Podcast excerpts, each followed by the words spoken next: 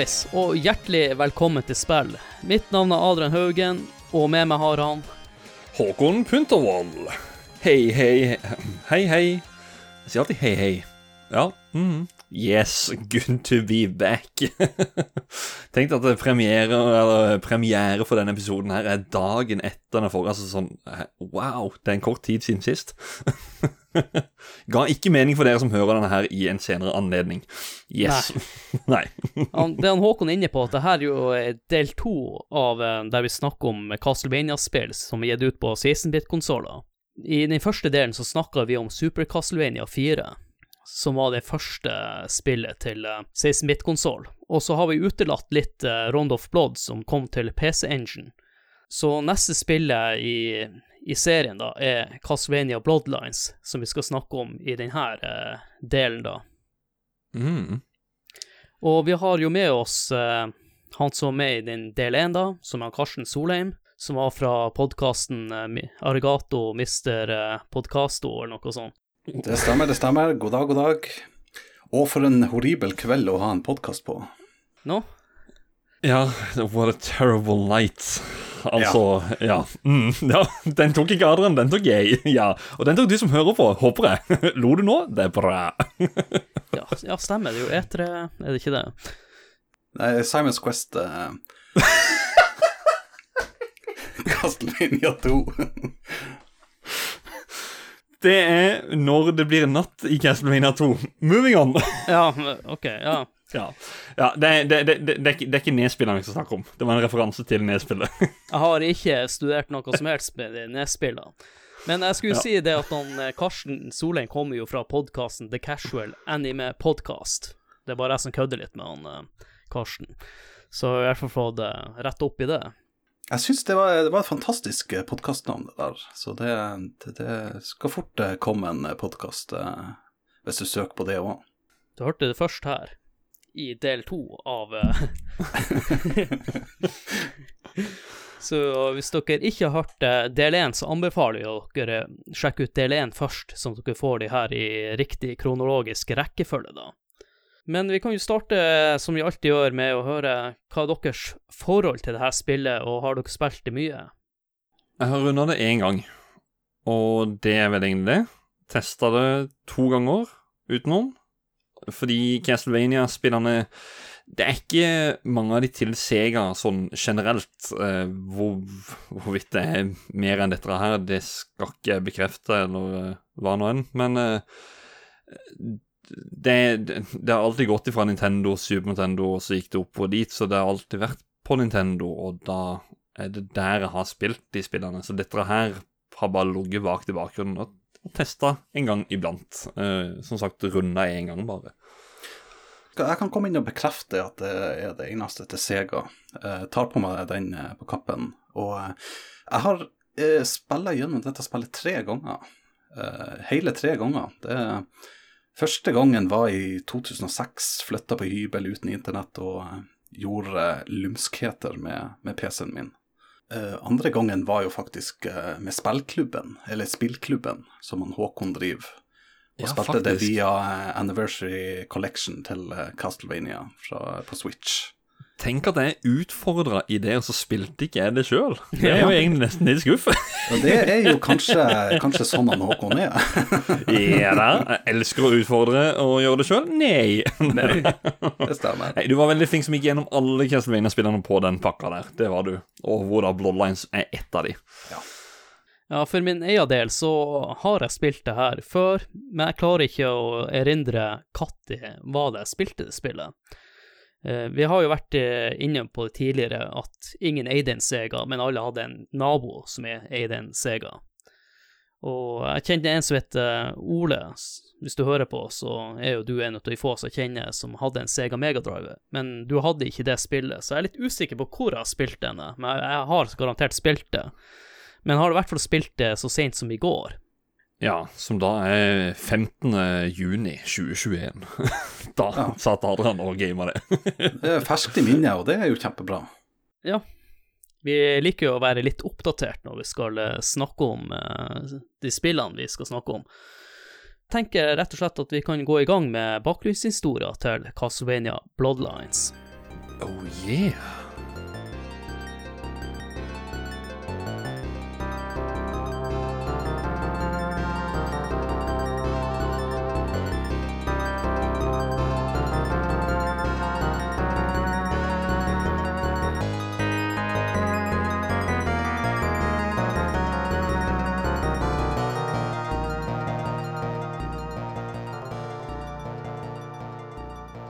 Tenkte at jeg skulle fortelle dere litt om Castlevania Bloodlines. Og det hele starter i 1992, hvor Konami signerer på en avtale som gjør dem til en offisiell tredjepartsutvikler for Sega. I samme tidsrom så hadde Konami også en kontrakt med Nintendo, og i den kontrakten inneholdt en klausul som gjorde at alle spillene de lagde for SNES, ikke kunne bli porta til andre konsoller. Men det her gjaldt jo selvfølgelig ikke Konami sine arkadetitler, som ble porta til Sega. Så etter hvert så var det jo naturlig at Sega ønska seg en av de største IP-ene til Konami på sin konsoll, som var Sega Megadrive på den tida.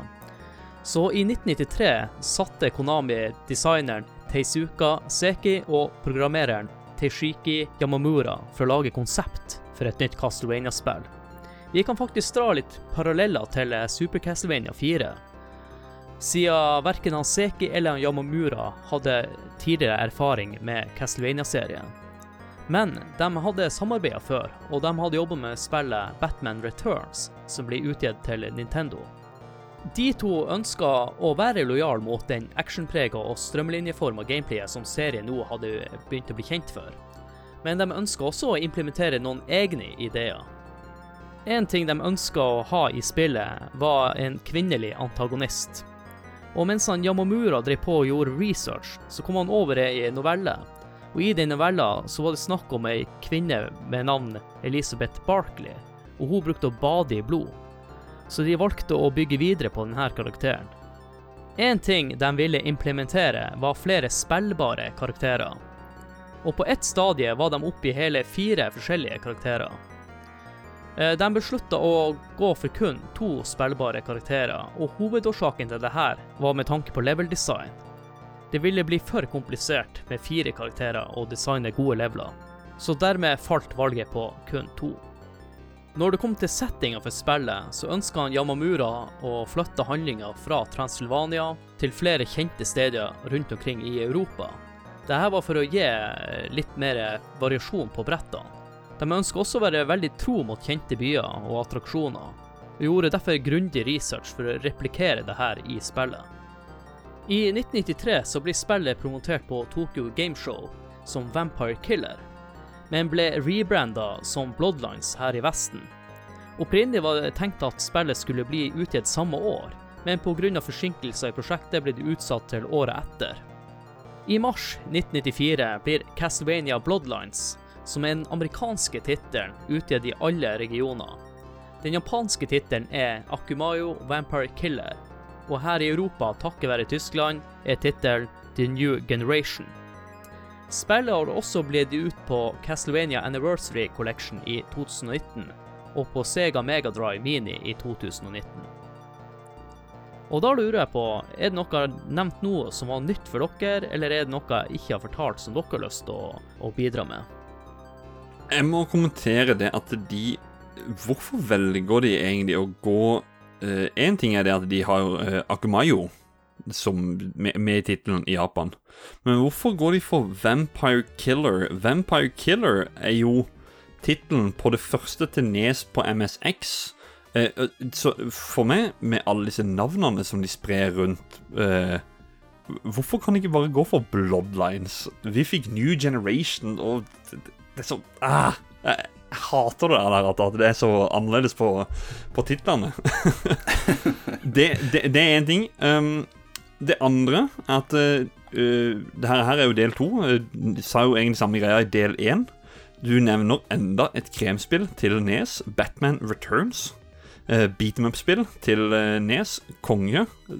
Visste ikke at uh, dette her var Ja, folk ifra uh, samme team. Så uh, Ja.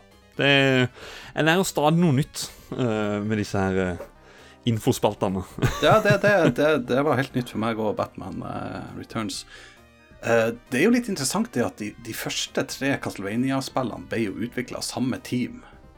Uh, mens nå er vi kommet til uh, nummer fem i hovedserien, eller uh, så, eh, ut av de kjente, da.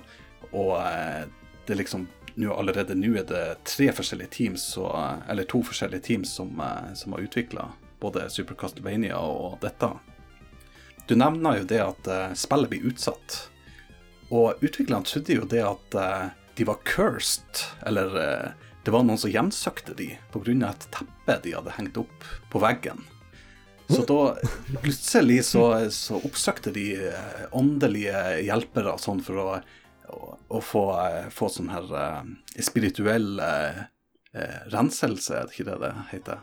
Ja, man måtte hente åndenes makt, rett og slett. Ja, ja, ja nesten åndenes makt, ja. Eh, og de trodde det var grunnen til det at de ikke klarte å bli ferdig. Ja ja, det er jo også noe å skylde på. Det er jo enklere å skylde på det enn at vi sliter på å få det ferdig.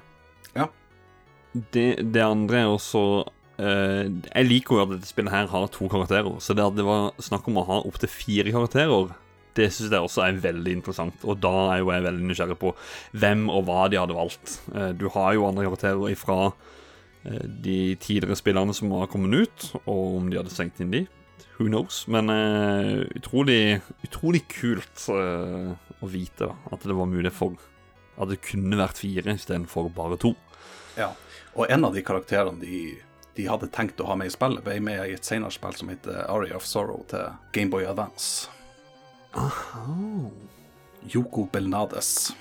Og den andre er en eh, Jeg tror han heter noe med Eriksson, som så ut som en viking med sånn svær hammer. Ja. Det er alltid en eller annen viking når det er så fire stykk. Golden Eggs, samme greia. Men eh, jeg får ikke helt til å stemme med å, at de skulle ha med en viking, og kanskje like greit at de tok han ut av spillet, for jeg tenkte jeg skulle ta dere gjennom plottet til spillet. Gjør det. ja. Plottet er som følger at eh, spillet følger timeline til Castlevania 3 til NES, og handlinga er satt så sent som i 1917, hvor ei mystisk eh, kvinne med navnet Elizabeth Barkley dukker opp. Og hun har onde intensjoner, og hennes plan er å gjenopplive han Dracula. For å oppnå det her, så må hun søke hjelp hos eh, onde krefter rundt omkring i Europa. Så er det opp til vampyrjegerne John Morris og Eric Lecard for å ta opp jakta på Elisabeth og forhindre å, å gjennomføre planene. Han, eh, John Morris han er jo Eller begge to er jo egentlig etterkommere av eh, Belmont-familien. Hvor han John Morris er en eh, dude fra Texas som ser ut som en eh, ja, litt bola versjon av han Marty McFly fra Back to the Future. Mens han Erik Lecard høres litt ut som fyren, han politimesteren i politiskolen, han gamlingen, men det er ikke han. Som en kar som har Alucards spear. En eller annen grunn så tenker jeg alltid på Når jeg hører John Morris, så tenker jeg Chuck Norris. det, det er hver eneste gang når jeg starter det, når jeg starter det spillet. John Morris, Ch Chuck Norris? Hva?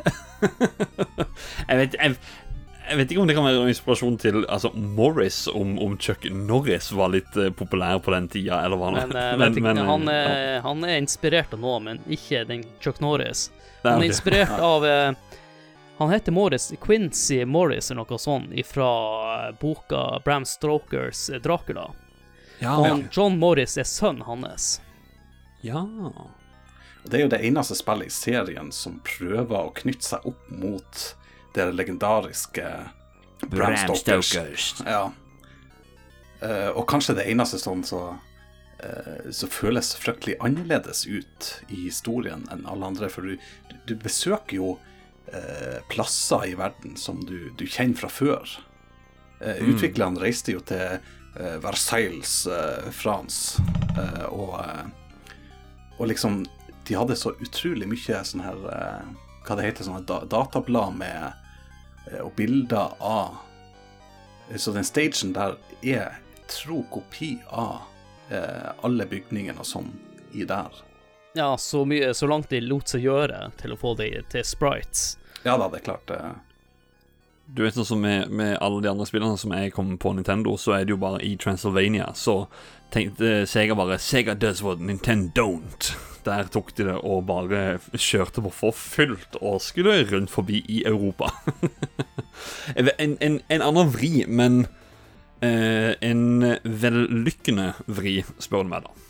Jeg husker ikke om han eh, Yamamura eller han eh, Han eh, godeste Seki En av dem var veldig inspirert av den vestlige kulturen. Så det var han som pusha på det han Martyrik sa med å få gjort ordentlig research i de, de byene som de Eller som vi besøker i spillet. Det eneste som er litt vanskelig å gjøre research på, er jo Atlantis. Så man kan jo diskutere om det har eksistert eller ikke. Mm. Ja. Det man eh, også legger merke til i dette spillet, er at uh, spritene uh, Jeg synes i hvert fall at det har en bedre look enn på Super Castlevania. Det er, Ja. det er faktisk Det er ganske Det er det som er sprøtt for meg å si som en Nintendo-fan, og det er, så, det er så vidt jeg har spilt til Sega. Det det er svært lite Sega-spill jeg har spilt, men dette Det er på topp, altså. Det er Ja, er, jeg er ganske enig i det du sier. Det Ja, er det, det, det ser over. helt råflott ut. Det eneste jeg kan si, er at uh, bakgrunnene for alle andre plasser enn enn Frankrikebanen er litt uh, Mangler litt. Ja. Jeg tror kanskje de har, de har, de har lagt, lagt litt for mye arbeid i, i uh, eh, banen på Frankrike. Det kan jo også kanskje skyldes med hardwaren til Segaen, som er litt annerledes enn eh, Super Nintendoen. Mm. Eh, I tillegg så har de gjort spritene mye mindre enn det han Simon Bell mente i Super Castlevania 4. Ja. Det er en ting folk glemmer av når vi snakker om spill sånn generelt, i hvert fall når det kommer til Super Nintendo. Må huske på at eh, Super Castlevania 4 var et ganske tidlig eh, Super Nintendo-spill, mens det her har eh, kommet ut eh, to år senere. Det har skjedd mye på eh, utviklingsfronten. Du ser jo også med nye konsoller at tidligere PlayStation 4-spill er ikke samme som de siste PlayStation 4-spillene som kommer ut nå. Det er jo egentlig en, en stor kreditt til utviklingsteamet til Castlevania 4, hvor mye de fikk ut av hvor lite kunnskap de hadde om konsollen. Ja. Det jeg også glemte å nevne der, er at de hadde ikke ordentlig dev-kit i starten heller. Så tror jeg de brukte noe Nintendo devkit-ish opplegg, men eh, ja. Synd at jeg ikke fikk sagt det i den eh, forrige delen der vi snakker om det spillet. Ja. Et annet valg som de tok i Bloodlines, eh, var at de hadde flere, nei, mindre stages, men brukte kanskje mer tid på detaljer, som du var inne på, Karsten. Ja, det, det er jo seks stages, og det er jo 22 bosser spredd utover eh, de her seks stages. Og det er jo Det er jo nesten Du kan jo nesten si at det er et boss-rush-spill, på en måte. Er det måte. 22? Ja. 22 bosser, inkludert minibosser og alt sånt. Ja, for, for det skal sies at de, de går jo eh, hver sin vei, på en måte, disse to karakterene. Eh, Det kan vi sikkert snakke om litt etter hvert, men, men vil det si 22 totalt med de hver sin vei, eller, eller møter du 22 fra start til slutt? For at det, 22, det er mye. Jeg kan ikke huske at det er så mye, men det er imponerende. altså. Det vi ville fram i hvert fall, det vi snakker om i stad, de stagene, er jo De brukte jo de eh, mulighetene de hadde med Segaen også, som du har det skeive tårnet i Pisa, der de eh, deler opp eh, skjermen så det får tårnet skift, og Ja. tårnet skifter hver retning hele tiden på hvor det heller. Mm. Og så var jo Versailles, så de brukte noen kule skyggeeffekter. Du ser at det virker som lyset Det lyset du ser på banen, kommer ifra et vindu du ikke du ser. At du går langs en lang gang der. Jo, det er jo eh, aller siste før du kommer til bossfighten. Eller til, til, til siste boss. Da, det er noe av det mest forvirrende jeg har spilt noen Ja. gang, tror jeg. Det er Jeg døde og døde og døde og døde. Jeg, jeg hoppa ned hver gang, liksom. Ja. Helt feil. Og så er det en one-up der som jeg prøver å få tak i hver gang, men det jeg bommer helt. Det, er- ja, det er en sånn frustrerende bane. Så en liten fun fact når vi kommer på banen, så var det ett spill de hadde tenkt av med, men som ble droppa ut. Som var et forlist eh, skipsvrak, som var, eller banen var kalt da for Phantom Ship of Dover. Som også mener er et eh, virkelig vrak. Så det her spillet bruker de jo ja, virkelige plasser. Som gjør mm. at kanskje storyen virker litt mer troverdig, at det faktisk kunne ha skjedd. Men eh, du var jo innom det, Håkon. Du har jo muligheten å velge eh, mellom to forskjellige karakterer. Du kan jo forklare litt hva er, litt hva er forskjellen mellom de her to. Chuck Norris og Eric Nei, jeg mener John Morris og Eric LeCard. Eh, det her er jo Folk har kategorisert det litt som Spillet har en mulighet for å velge easy, normal og expert, eh, eller expert-mode. Men de sier også med karakterene så kan du også si Eric LeCard er easy mode, John Morris er standard. John Morris går rundt med en pisk, akkurat som Simon Belmont og resten av Belmont-familien. De slår med en pisk og oppgraderer den. Imens Eric the Card går rundt med et spyd, som du sa, Matyrik. Var det tiff... eh, Var det um, Alucard Spear, tror jeg det heter. Ja. Alucard Alucard? Men i, eh, i spillet så heter det LeCard Spear. Ja, så det er, en, okay. en skrivefeil i Eller eh, oversettelsesfeil fra japansk, for på japansk så betyr det Alucard Spear. Å ja, faktisk. Og, uh, og grunnen til at de tok det med i dette spillet, eh, som er litt som basert på Bram Stokers, er det at det er en film eller en bok som heter Son of Dracula. Det er der eh, Alucard kommer fra opprinnelig, egentlig. ja. Som har blitt en viktig karakter i Castlevania-serien. Og Ja. Alucard er da Dracula baklengs, sånn, hvis dere lurte på det. Jeg tror, jeg, jeg tror det der er, det er et jævlig godt poeng, for at eh, når, du, når du er liten, og du, du plutselig går opp for deg at Alucard er Dracula baklengs Du bare Det tok meg så mange år. Ja, ja det gjorde det for meg òg. visste. Jeg, kan si det er to-tre år siden jeg oppdaga det. Så det, det jeg Ja, okay, ok, visst om, om det navnet der i sikkert ti. Så det Men eh, Chuck Norris, holdt jeg på å si, og uh, uh, Erik Lazard fra Politiskolen. Ja! Ja! Lazard! Det var, vet du hva? Jeg tenkte på det. Hvem, hvem er det som ligner Erik Lazard fra politiskolen Ja. Um, jeg skal si Jeg, jeg, jeg har testa Eric LeCard, men jeg vet ikke. Jeg savner pisken. Jeg er nødt til å ha den derre The Vampire Killer skal ha eh, Skal ha en pisk å slå med. Så det, jeg har gått for John Morris når jeg spilte gjennom. Og dere? Før for det stikk motsatt. Jeg gikk for han eh, Eric av at du har lengre range med spydet, og du kan slå på skrå, mens han John Morris han kan slå bare rett fram. Nei, han kan slå på skrå hvis han Det han hopper. kan, hvis du hopper. Å, han kan det? Ja. Ja, det- det er det som men, er men hele det greia. kan du ikke med Lecardian, da. Du kan ikke stå på skrå når du hopper med han. Så det er sånn Det er motsatt. Det, det er utrolig rart at de, at, de, at de ikke klarte å implantere det. Når du sto i ro, at du klarte å, å piske opp eh, på skrått og tror de gjorde det med vilje, for at du skulle ha muligheten å spille spille på to forskjellige måter. For at Ja. han, eh, han Morris han kan jo bruke pisken og slå i taket med og slenge det, mens han eh, Lekard han kan bruke spydet til å hoppe høyt. Og det er et sted i spillet hvor du kommer til et punkt hvor du må enten hoppe opp eller svinge det. Og da går du to forskjellige separate veier. Og det er litt, uh, litt tøft, egentlig, med det spillet. Du, Mm. du bruker liksom den her hovedmekanikken som de har tilegna hver person for, uh, for å komme deg videre. De har innført eh, Resident Evil-metoden før Resident Evil, med at eh, du har samme spillet, men du har muligheten til å klare to ganger på forskjellige måter, som gjør at du egentlig får to spill i ett spill, som jeg ser det. Mm. Ja, absolutt. Altså, du spiller det på en helt annen måte når du spiller med The Card, eller uh, spiller med Morris, da. Det, det er to helt forskjellige karakterer.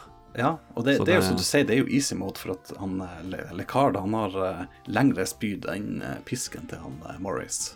Men, men siden du sa du likte å slå med range, Adrian, kan jeg bare spørre Spilte du med Donatello i Turtles in Time? Nei, men det, okay, vi har jo snakka om det det i en annen annen episode. Ja, ja, ja. Det var bare for å dra det kortet. Nei, men det er litt annerledes uh, her. Ja. Men de har jo også forskjellige spesialangrep, uh, Karsten. Ja, og det er um, Du får tak i en Holy Bible, eller ei magisk bok, hvis du bor i Europa og Amerika. Da, hvis du blir truffet, så t eh, hvis du tar skade etter du har fått den her superoppgraderinga, så mister du det. Og det er jo litt sånn Litt, litt OK, egentlig. At, eh, at du kan bli overpowered på en måte. men når du blir skada, så mister du det. Ja, litt som Selda med at du kan skyte fra sverdet når du har fullt hjerte. Ja, det er Det er, det, er kjekt å, det er kjekt å ha, men uh, hvis du mister den, så du overlever. Ja, for at du bruker om det er fem mer hjerter hvis du bruker den supergreia. Og en Lekard han har eh, eh, brannspyd, så han gjør sterkere damage med spydet. Og så subweapon blir da en eller annen magisk krystall, eller hva det er, som uh, gjør damage over hele screen. Mens han uh, John Morris da, han uh, har flammepisk, og han har noe sånn homing brannkule, da. Det er den orben det også, så går den Det er en sånn Jeg kaller det- Kall det nesten som en flammekule, en hadoken nesten, som egentlig flyr over hele banen og tar det som er av fiender, på en måte. Det er en homing Ja. missile, nesten, Ja, som suser over og tar knekken på alt. Og hvis du tar da et uh, annet subweapon, så mister du denne. Uh, bare, super, uh, bare det her subweapon-angrepet, da. Du har fremdeles flammepisk og det, hvis du ikke blir skada. Nå er vi inne litt på styringa. Hvordan synes styringa i spillet her? Jeg har jo alltid rakka ned på Sega for at det er møkka kontroll. Altså, jeg, jeg syns Sega generelt spill der er dårlig, men det spillet her, det er faktisk overraskende tight. Uh, det er Det er den standard Castlevania-kontrollen. Det, det er en sånn all-around-greie med hele Castlevania-serien. Det er en sånn tight kontroll som jeg føler du har kontroll på hele tida. Eh, litt kjedelig det med å kunne slå på skrå, f.eks., med John Morris, og at det, det, det er bytta om, men, eh, men eh, ellers solid. Veldig solid. Eh, jeg, sy syns i hvert fall uh, det piskemekanismen går veldig fort, og det slenginga er Det er veldig ugreit, egentlig. Det, det er av og til du liksom ikke kommer deg opp, og, men det er jo veldig artig at du kan gjøre skade med å slenge deg, og så spenne du fiendene. Det er liksom en helt annen dimensjon. Ja, det blir jo en hitbox når, eh, når du slenger det. Her kommer prosjektilen Morris. Nå er det jo slik at jeg spilte jo begge spillene i går, bare for å få en uh, tight sammenligning, da. Jeg vil si Nå spilte jo den eh, Castlevania Collection til Switch, så jeg spilte jo ikke på en Sega-kontroller. Men jeg vil si at uh, Bloodlines Jeg likte Jeg syns den styringa og hvordan karakteren eh, oppførte seg, var mye bedre enn på Super Castlevania. Du kan hoppe i trapper.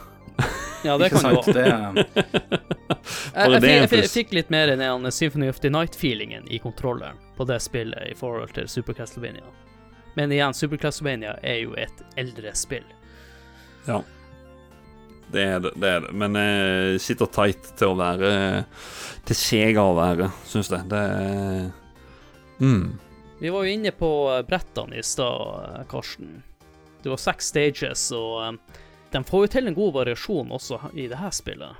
ja, du har vannbaner, du har eh, tårn, altså klokketårn, og uteplass. Altså, du er ute, og så har du da eh, Castle, eh, Demon Castle Dracula. Mm. Men kanskje første banen er litt artig, for den, de tre første screens er i hvert fall helt lik Castlevania 1.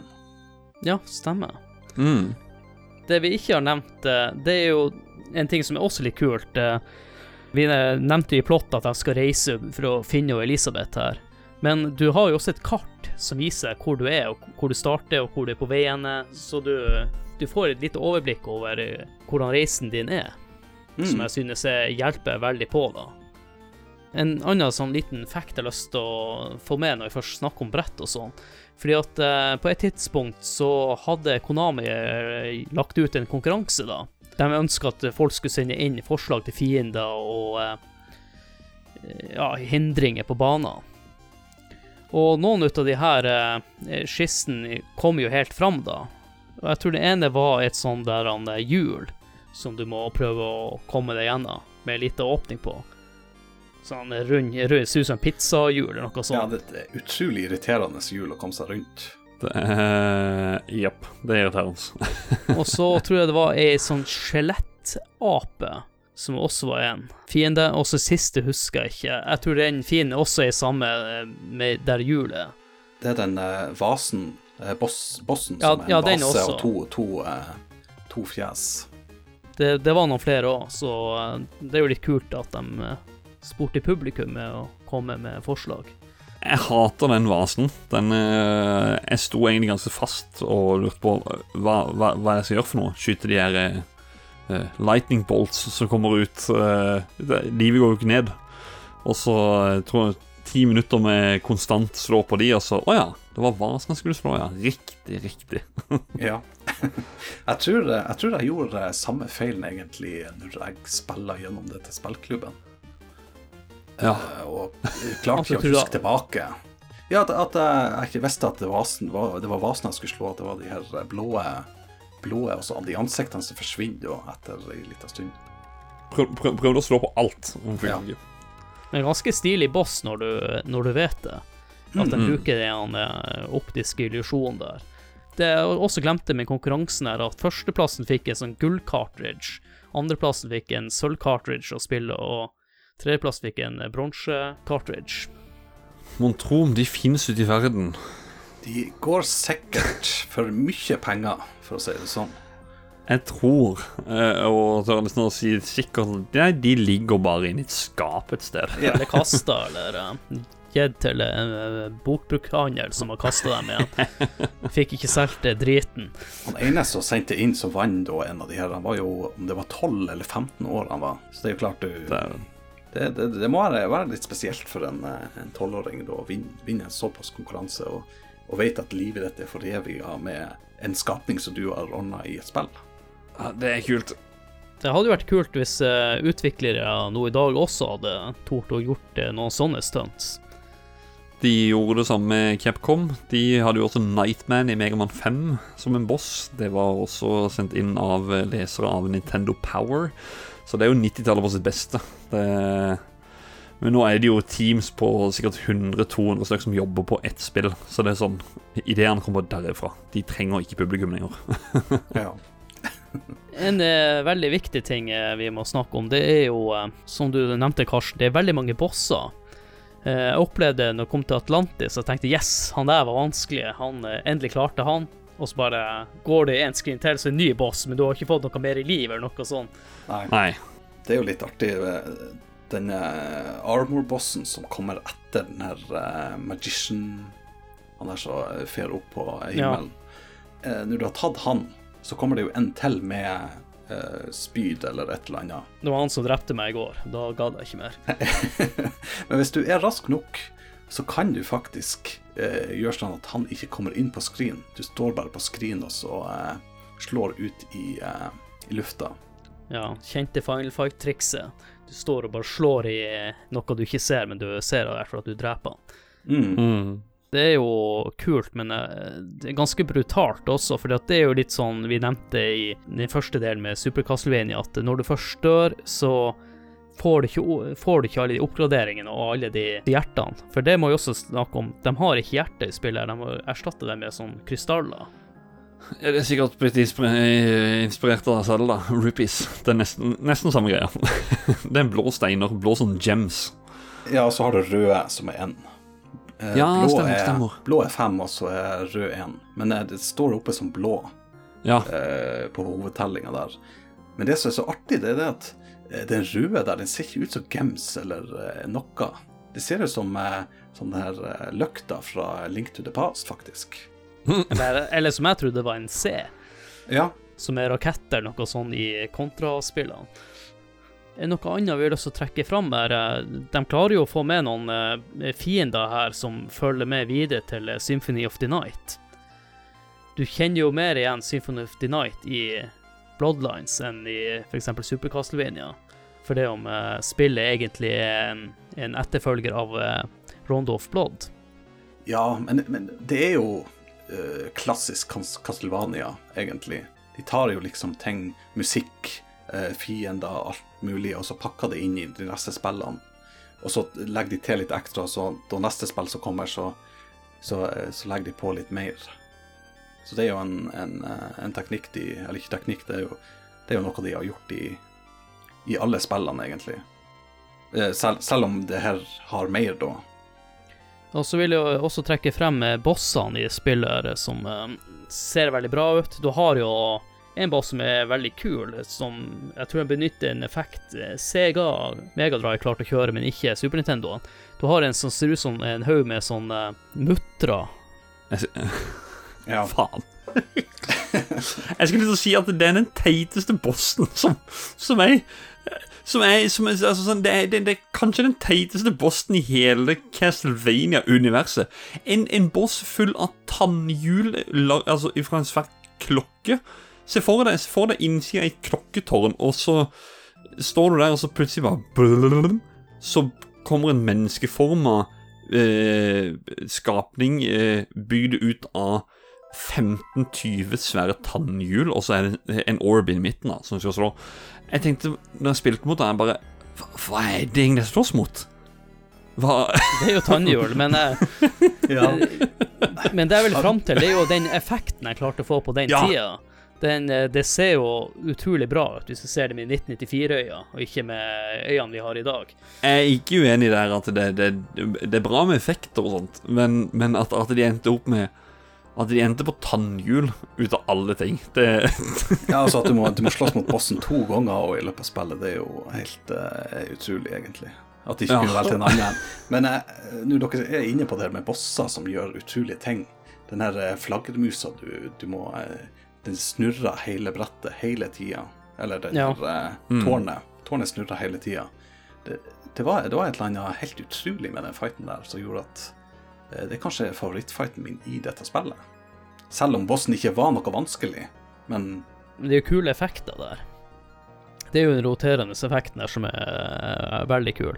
Og så Du nevnte jo den andre bossen at du må slåss med han to ganger, for det er jo vel deff der. Du må velge noen kort. Ja, det er jo ja, Veldig mot slutten av spillet så er det jo en boss rush. Hvor du skal eh, Han spinner noen kort, så skal du bare slå med pisken, og så Oi, der slo du på, på denne her, og da fikk du den eh, teite tannhjulbossen igjen, og så får du flaggermusbossen, så skal du gjennom de, da. Du møter jo også eh, Elisabeth inni her, og så møter du Dracula. Jeg tror du dreper Elisabeth og så han Dracula, for vi glemte jo egentlig å snakke i forrige del om Dracula-fighten, så snakka egentlig ingenting. Så klok av skade så må vi i hvert fall eh, dra litt highlights til denne Dracula-fighten, der eh, Dracula har jo ganske mye detaljer. Du ser jo hvordan han ser ut.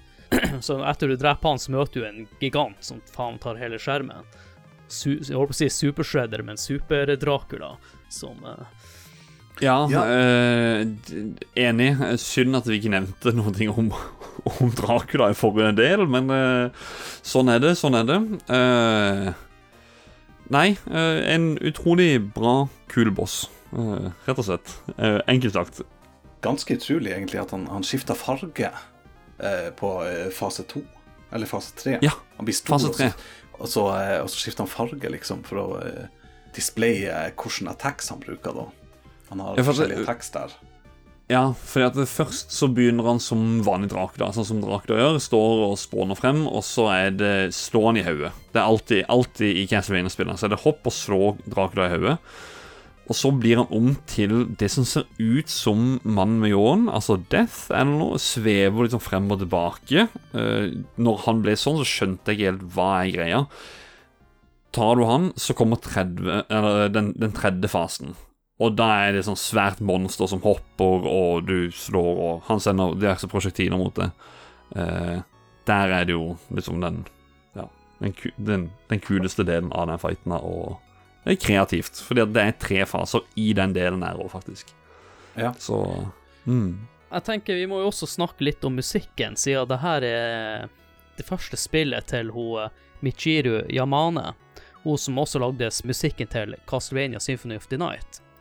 Jeg har funnet litt ut at pga. begrensninger til Sega sin lydchip, som hadde tror jeg, seks FM-kanaler, der hun brukte hele tre ut av de kanalene til å avsette til et orgel, som skulle være hovedinstrumentet til eh, musikken i spillet. Og de andre kanalene ble brukt til eh, lydeffekter og basseffekter. Når jeg spilte spillet, jeg syns musikken er fantastisk. Men lydeffektene er jo helt horrible. Jeg fikk faen meg vondt i ørene av enkelte lydeffekter. Ja, jeg er faktisk helt enig i det. Og eh, hvis du ikke hadde sett noe godt, og du hadde kommet deg til den første bossen som er en hellhound, hadde du noen gang kunnet trodd at det var en hund pga. det hylet der? For å si det sånn, de lydene eh, irriterte meg nesten med en gang jeg startet. For en gang jeg slår en fiende, så kommer det ja, den rare segalyden. Mm. Sega-chipen er jo også Eller lydchipen i Segaen er også en sånn Den er ganske egen i forhold til Super Nintendo. Eh, nå må vi jo sammenligne dem, for det er jo, det er jo på en måte de to spillene som er veldig mot hverandre. Eh, Super Castlevania og Bloodlines. Eh, eller New Generation, som det heter her. Og musikken vil jeg si er bra, men som du sier, lydeffektene er mm, Og de Men de har jo bevart mye av den uh, gjenkjennelig musikken, som jeg nevnte i del 1 her også, at det er, det er gjenbruk av gamle, kjente låter fra Castlevania-universet. Og atter en gang, de slår ikke feil.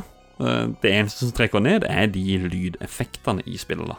Men musikken syns Ja. jeg er helt, helt innafor, og det Jeg har lyst til å gå så langt at jeg syns Hvis jeg ikke hadde hatt noe nostalgisk forhold til Super Castlevania 4, eh, og at Areide spiller sjøl alt det, så ville jeg kanskje ha satt den her foran.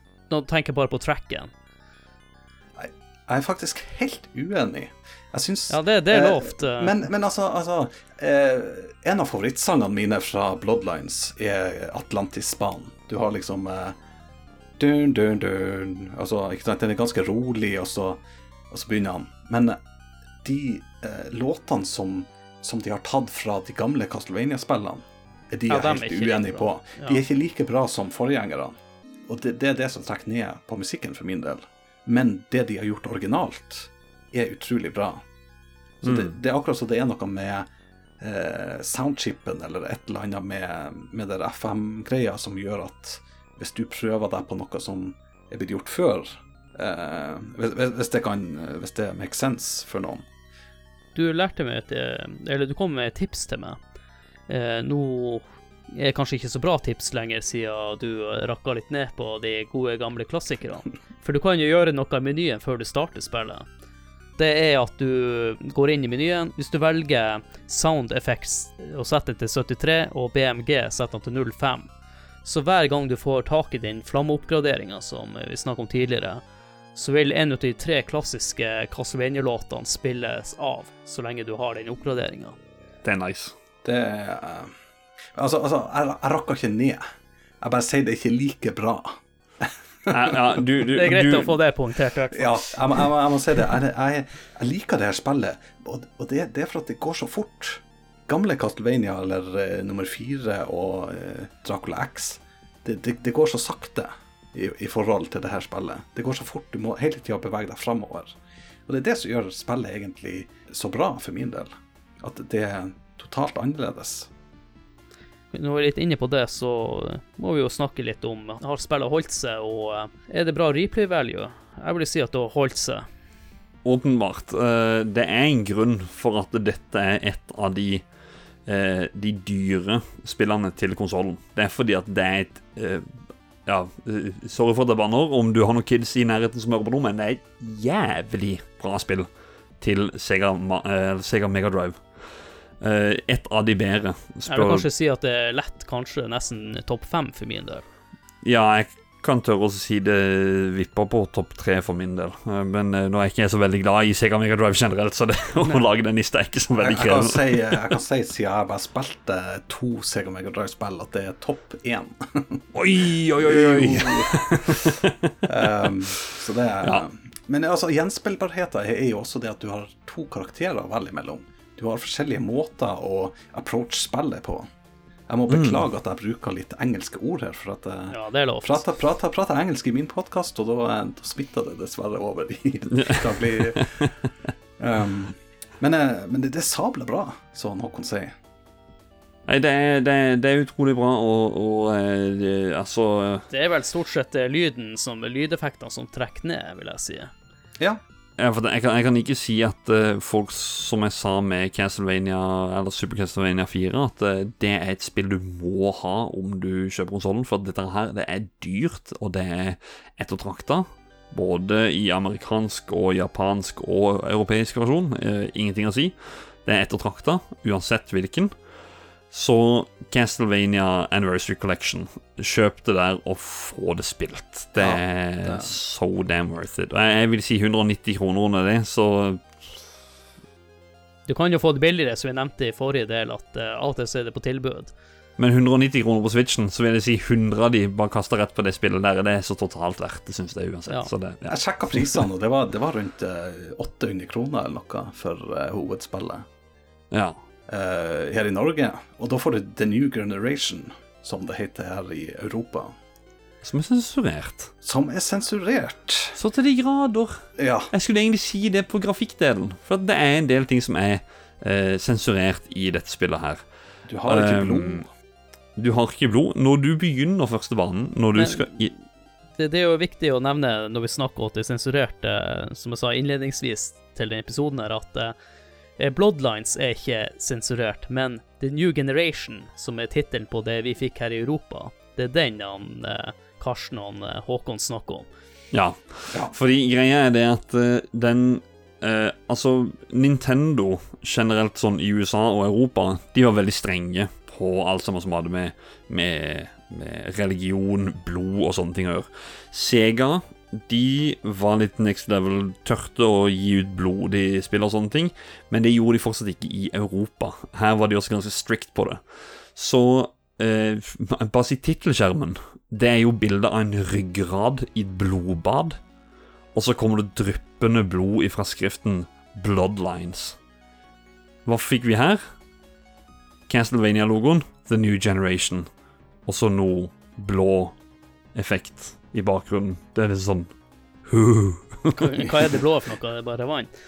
Nei, det, det er jo akkurat det samme som så, så kloakken, eller det grønne i Super Castlevania, liksom. Ja. Det er liksom Ja, jeg, jeg vet ikke om det blå skal være vann engang. Jeg vet ikke om det bare er en skyggeeffekt det, eller noe. det er vel bare Ja. skifte bare for å skifte.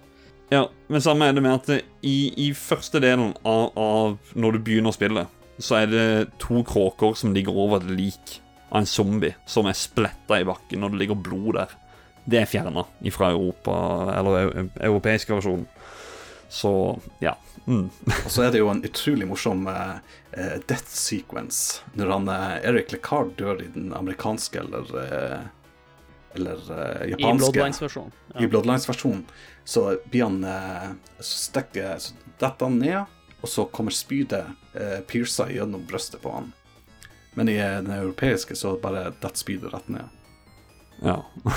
Og det, det er litt sånn åh, virkelig Og det, det var vel et eller annet greie i Tyskland som gjorde at, eh, at det her ikke kunne Ja, det er alltid tyskerne som har gjort uh, Vi har fått eh, sen veldig sensurerte spill her i Europa. Men også en ting til som er forskjellig på uh, The Next Generation, det er at det er vanskeligere enn Bloodlines og Vampire Killer. Og det var rett og slett pga. det at det europeiske publikummet var mer utlånsvillig butikker og sånn. Så de gjorde det vanskeligere så du ikke skulle kunne klare det på ei helg. Å ja, det var jeg ikke klar over. Nei, det De det er jævlene. Det var en artig effekt. Ja, det er liksom tapt i eh, Så selv om du går på, eh, på Easy, så er det litt, litt vanskeligere enn eh, de andre versjonene. Norske utleiedistributøren Japon de koste seg og smilte breit over det forslaget, tror jeg. Det Jeg føler jo at eh, vi har fått snakka ganske mye om eh, Bloodlines, og jeg tror jo de her eh, delene våre ble mye lengre enn det vi har tiltenkt. Så da vil jeg jo igjen si takk til deg, Karsten, for du ble med på del to, og kommer til å være med på del tre også. Ja, tusen takk for det. Det var hyggelig. Takk til deg også, kom for å være med på del to og del én, og skal være med på del tre. Jo, eh, selv takk. Så vil jeg bare si takk for at dere hørte på, og uh, hvis dere ikke hørte på del 1, så sjekk den ut, der vi er snakk om Super Castlevania. Og neste del blir jo Castlevania Vampire Kiss. Så håper jeg at dere uh, sjekker ut den også. Og da gjenstår det bare for meg å si ha det. Ha det bra. Morna.